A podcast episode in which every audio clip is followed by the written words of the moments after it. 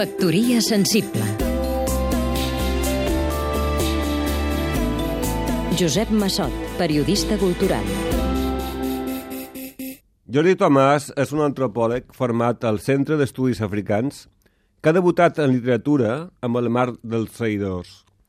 M'ha quedat el llibre, primer perquè és una novel·la d'aventures. Ja a la literatura catalana no li sobren llibres que continuïn la línia dels Conrad, dels Melville o dels Stevenson. I en segon lloc, pel tema que tracta.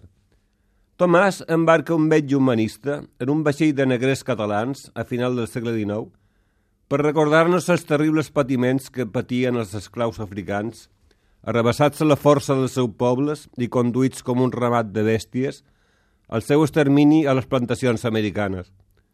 La novel·la està farcida de detalls d'esgarrifança només comparables en la descripció de com eren tractats els presoners als camps de concentració nazis.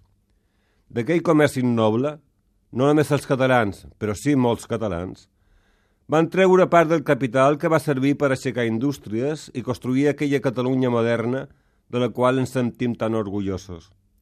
Els catalans estem tan ocupats en la nostra torturada història de perdedors que no tenim temps per fer una revisió de la nostra consciència.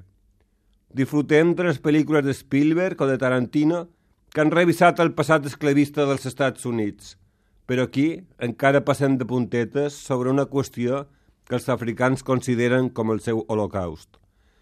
Llibres com el de Jordi Tomàs són necessaris perquè, a més a més, toca un tercer tema d'actualitat perenne, el coratge i la dificultat de romandre honrat quan tots els que t'envolten han perdut la vergonya.